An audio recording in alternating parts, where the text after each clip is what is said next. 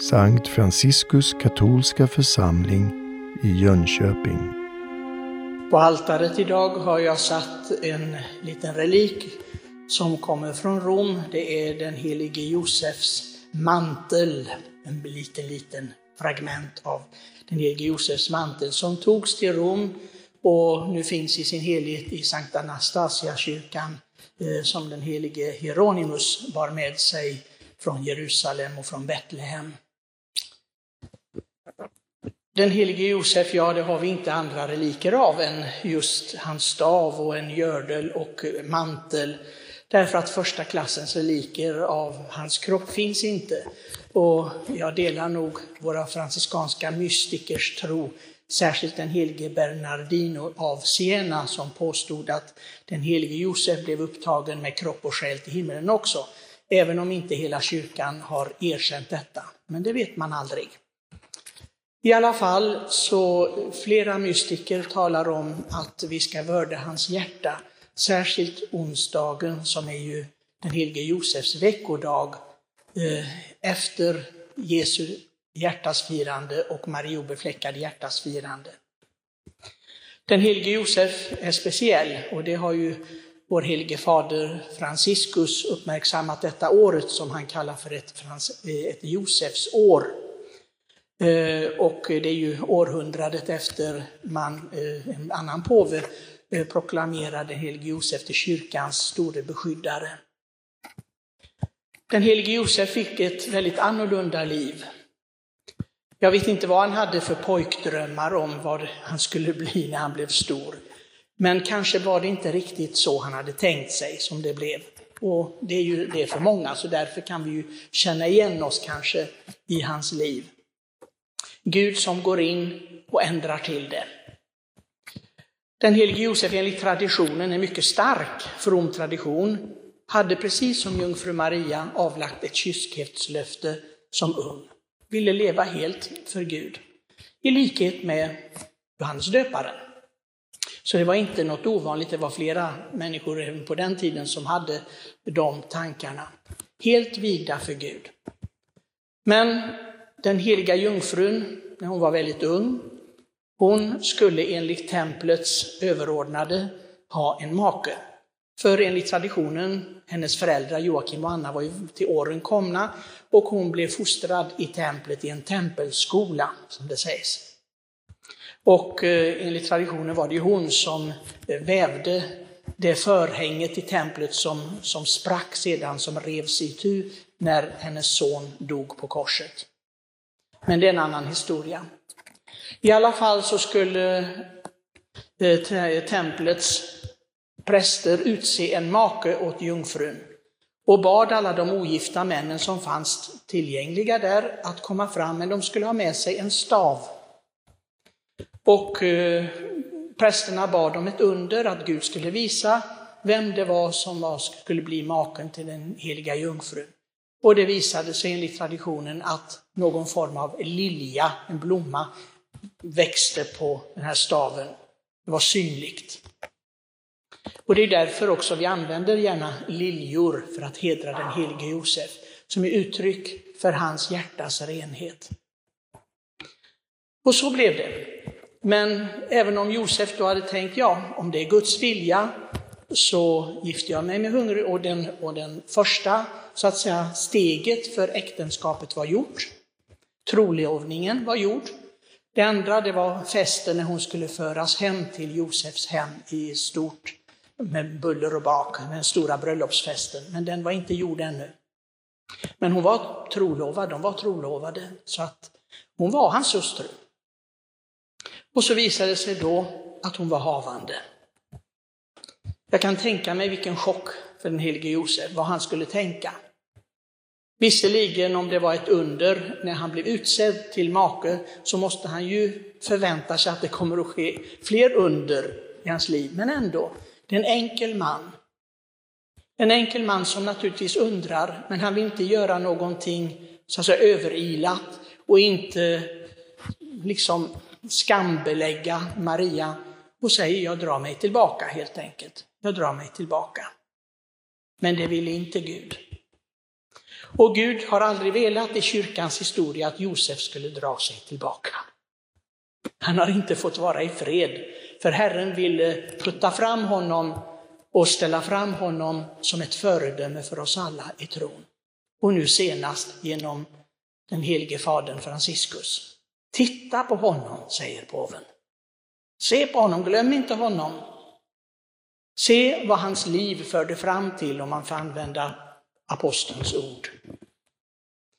En stor gestalt och den heliga Teresa av Avila, en av de största mystiker vi har i kyrkan, sa jag kan inte tänka mig att en bönens människa, någon som vill vara en bönens människa, inte ser på den helige Josef. Det är för mig helt omöjligt. Han, han var en stor, så att säga, bönens och det andliga livets företrädare för just den heliga Teresa av Avila och många andra. Och många andra i kyrkan.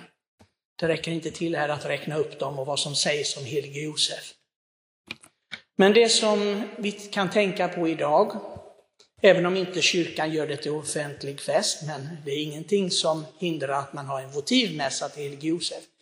Och det är just detta som mystikerna talar om, hans kyska, faderliga och ömma hjärta. Alla tre punkter som är så fundamentala för att leva ett andligt liv ännu idag. Kyskhet, det vet vi. Det är precis som biskop Anders, eller kardinalen, säger. Vi lever i ett, så att säga, sexfixerat samhälle. Jag tror det har man nog gjort alltid i alla tider. Det ser man ju, läser man om. Men idag är det precis som det inga, finns inga spärrar. Att vara renhjärtad som Jesus talar om, det handlar ju naturligtvis inte bara om det sexuella, det förstår ni alla. För renhjärtad, de som ska se Gud, det handlar om de som inte har några bindningar till världen. Inte, inte vill längta, efter någonting annat än bara längtar efter att få vara med Gud. Det det är att vara renhjärtad. Det får inte finnas några hinder alltså. Men naturligtvis, en av de svåra punkter som finns för många människor idag, det är ju sexualiteten. Att inte kunna kanalisera den på ett rätt sätt och leva den på ett rätt sätt. Och då kommer vi in på den andra, det faderliga hjärtat. Vad betyder faderligt hjärta? Det betyder ett hjärta som tar ansvar. Det handlar inte bara om en pappa, det är lika mycket kvinnor som kan, som kan ha den här inställningen i hjärtat. Att ha ett faderligt hjärta, det är att ta ansvar. Det är många idag som inte kan ta ansvar, de kan inte binda sig. Det är därför vi har så få klosterkallelser. Få prästkallelser, få kallelser till äktenskapet. Många de väljer att inte gifta sig därför att det är bättre att inte ha några bindningar. Vi, vi, vi lever så här så länge det passar. Och det har vi tyvärr även i katolska kyrkan, mängder av dem som lever i synd. Vi säger, kyrkan säger fortfarande, lever i synd. Därför att man har inte detta faderliga hjärta. Det finns inte, det är ingen som uppskattar det. Att ta ansvar i livet. Eller någon som tar på sig en uppgift, både i kyrkan och i samhället, en liten tid, sen tröttnar man och försvinner. Ett ömt hjärta, det är också en bristvara. Vi som är så vana vid att anklaga andra, bedöma och döma andra. Inte att se med ömhet att kan jag göra fel, då kan även andra göra fel. Att tillåta detta och tillåta att komma tillbaka, be för den människan, det är ett ömt hjärta. Jag kan inte tänka mig den helige Josef som någon som stod där och, och dömde i Nasaret och sa, du Maria, den där människan ska vi inte ha med att göra, det där, det där är bara pack och slödder, det ska vi inte, usch och mig. Jag kan inte tänka mig detta. Det fanns nog aldrig någon sådan tal bland de två, Maria och Josef i Nasaret. Och vi förstår att Paulus den sjätte, han sa när han kom dit på pilgrimsfärd, att det går inte att uttrycka det som jag känner när jag är här i Nasaret och tänker på den heliga familjens, deras liv i gemenskap med Gud. Det måste vara någonting så annorlunda och ändå inte i det yttre, för Jesus talar i evangeliet idag. Det har ingenting med dagens firande egentligen att göra. Men det är så väl det här evangeliet som talar om, gör inte som hycklarna. Och de var sannerligen inga hycklare. Därför att när Jesus, deras son, ställde sig upp i, i, i, i synagogan och predikade, så sa han, var får han detta ifrån? Vi känner ju familjen. De gör inget väsen av sig. Vi förstår den ödmjukhet som måste ha funnits i den här heliga familjen. Ännu var det den främsta av alla världshistoriens familjer. Vilken ödmjukhet! Och vi som många gånger vi vill göra spektakel av oss själva, vi vill framhäva oss själva, vi vill tycka att folk tycker vi är häftiga, vi är, vi är glada, vi är trevliga, vi, vi vill ha bonuspoäng hos alla. Medan dessa, de gjorde inget väsen av sig alls. Och ändå om det är någon som kunde göra det så var det just dem.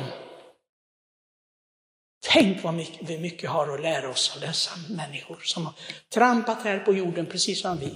Och de har haft mycket större svårigheter än vi. Jag tänker ofta, de hade inget badrum. Jag vet inte, jag kan inte leva utan badrum. Utan el och utan all, alla dessa bekvämligheter. Och har jag det inte, då blir jag så arg och irriterad så jag tänker det. De hade ingenting. Hade ingenting. Och ändå kunde man, hon, hon lovprisa Herren. Och ändå kunde Josef inte göra motstånd mot Gud utan bara säga, är det Herrens vilja så gör det. Att inte säga, det är klart att han pratade som alla andra människor, men evangeliet ville inte ha med någonting därför att han var en normal människa. Han, han gjorde inga konstigheter, utan han levde bara sitt liv med den här respekten för Guds vilja. Att göra sin uppgift, utföra detta, en god make, en god far till Jesus. Att arbeta för att helga Gud. Ni förstår, det, det, det är egentligen så enkelt att vara helig att, att, att det går oss förbi. Vi som tror att helighet, det är egendomligheter. Det måste vara egendomligheter. Men titta, precis som kyrkan vill på den helige Josef. Och då, då kommer det att ske saker i våra liv. Låt oss titta på dessa som verkligen är experter på helighet och att leva med Gud. Må den helige Josef kyska faderliga ömma hjärta be för oss nu och i vår dödsstund. Amen.